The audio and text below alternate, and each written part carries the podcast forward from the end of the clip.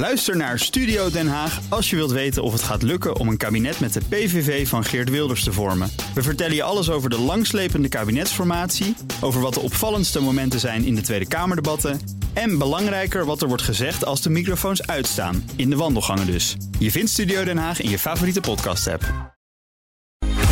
Tech Update. Joe van Buurik, goedemorgen. Dag Bas van Werven en Iwan van Rips. Het is 10 minuten voor acht. Binnen Apple blijft discours bestaan over hun rol in de voortdurende AI-race. Ja, daar liggen ze toch nog steeds wel best wel in achter, kunnen we wel zeggen. Nou. Zeker ten opzichte van de andere grote techbedrijven. En ook wat kleinere, zoals OpenAI natuurlijk, met ChatGPT. Eh, want ja, als we dan kijken, wat hebben ze nou gebracht? De enige grote AI-release van Apple dit jaar... was een iets verbeterde autocorrect in iOS 17. Hmm, nou, dus, Dus, inderdaad niet groundbra- Mwah. groundbreaking technology, zoals het heet. Maar Ja. eh, er wordt wel degelijk gewerkt aan eigen generatieve AI. Hoorden we al een tijdje geleden. Een soort Apple GPT met het Ajax of Ajax taalmodel. Worden sommige mensen in Nederland, vooral in regio Amsterdam, best wel blij van, die naam, denk ik. Ja, zijn er weer blij van het laatste tijd van Ajax? in ieder geval de naam. Maar goed, eh, binnen Apple zou alleen niet duidelijk zijn of en hoe ze dat nou gaan gebruiken. Vooral richting mensen zoals ons, consumenten. Eh, de AI-afdeling zou al richting de 1 miljard dollar per jaar uitgeven aan dergelijke ontwikkelingen. Om in ieder geval qua RD een beetje mee te kunnen. Meldt Bloomberg's Apple-fluisteraar Mark Gurman, die vaker dit soort dingen weet en eh, meldt. Bijvoorbeeld het eh, verder vernieuwen van de slimme assistent Siri, waarvan mensen wel vaker zeggen: zo slim is die eigenlijk helemaal niet. Ja, dat geldt ook voor de Google Assistant en Amazon Alexa. Maar zijn niet aan het ontwikkelen waarvan ze eigenlijk niet weten wat ze ermee willen. Nou ja. Dat heb je natuurlijk altijd hè, bij grote bedrijven. Juist ook bij techbedrijven. Die willen kijken van oké, wat kunnen we? Wat doen de concurrenten? En wat gaan wij doen om ook onderscheidend vermogen te maken? Nou, dat is een beetje lastig. Die slimme assistent, dat is niet iets wat je mee moet doen. Want Google en Amazon doen het ook. Eh, meer AI en iOS stoppen. Zoals het eh, automatisch genereren van zinnen in berichten. Nou, daar is Google ook heel erg mee bezig.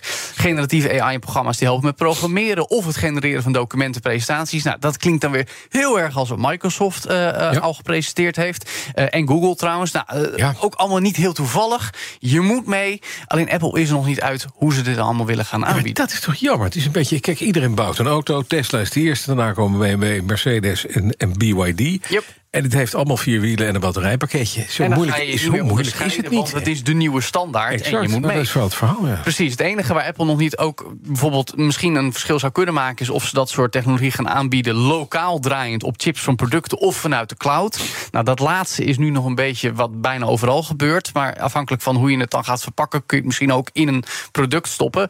Misschien dat we er komende week meer over gaan horen. Want volgende week vrijdag komt Apple weer met kwartaalcijfers. En ik weet dat er mensen zijn die heel graag willen dat Apple meer met AI gaat doen. Ja, weet je, het probleem een beetje is met al die techreuzen. Het, het, is, het is old school technology, hè? Mm. Bijna Hoe wel. dat ook klinkt. Ja, maar ze maken hardware. Zeker. Als je geld Zeker wil verdienen tegenwoordig... dan moet je in, in software, Nou ja, in maar nee, dat is- dat is- applicaties van die commodity... moet je gaan is, zaken dat is doen. het verhaal van de stack, zoals mijn compaan Ben van den Burg altijd zegt. Waar zit je bovenin of onderin? Maak je spulletjes of maak je toepassingen die erop draaien? Of doe je allebei?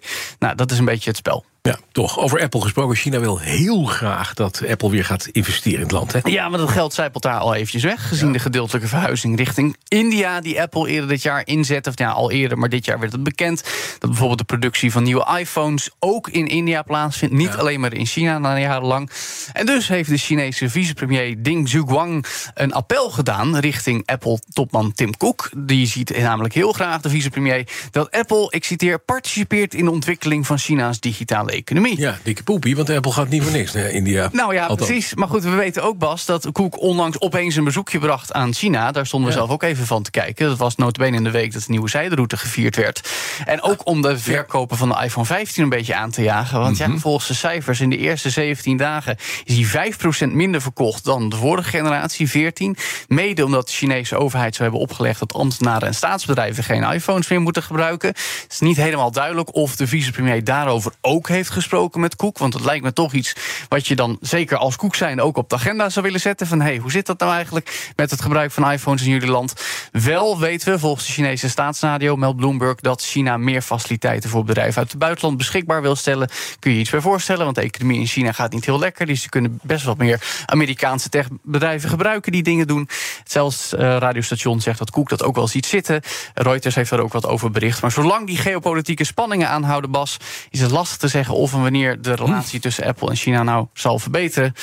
Want ja, dat charme-offensief en de daadwerkelijke verplaatsing richting India... die zijn gewoon al bezig. Zeker. En het punt is, China heeft vandaag aangekondigd... dat ze een onderzoek gaan uh, lanceren naar Foxconn in Taiwan. Dat is natuurlijk best lastig, hè? Want dat is ook weer de grote maker van iPhones. Ja, precies. Als het gaat om de ja. onderdelen en de assemblage. Ja. Nog even naar dit, want zowel Sony als Microsoft smijten met geld in Las Vegas voor hun marketing en ons vermaak. Ja, Vegas the place to be. Ja, ik heb het gezien. Het is fantastisch.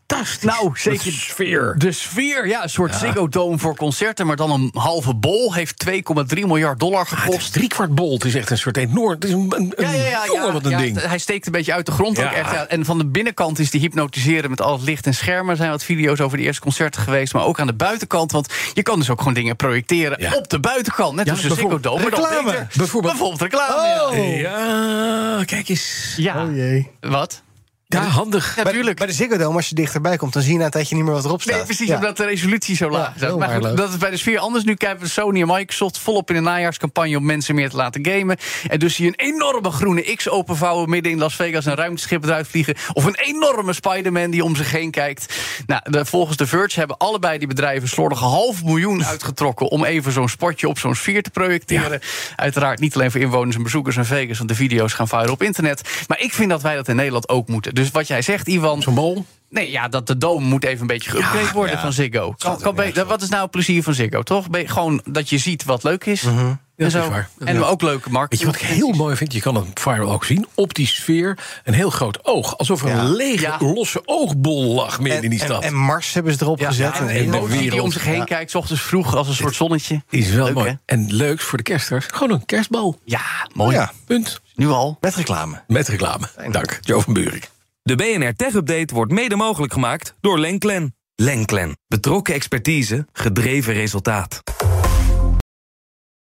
Ook Bas van Werven vind je in de BNR-app. Ja, je kunt live naar mij en Iwan luisteren tijdens de ochtendspits. Je krijgt een melding van Breaking News. En niet alleen onze podcast Ochtendnieuws, maar alle BNR-podcasts vind je in de app. Download nu de gratis BNR-app en blijf scherp.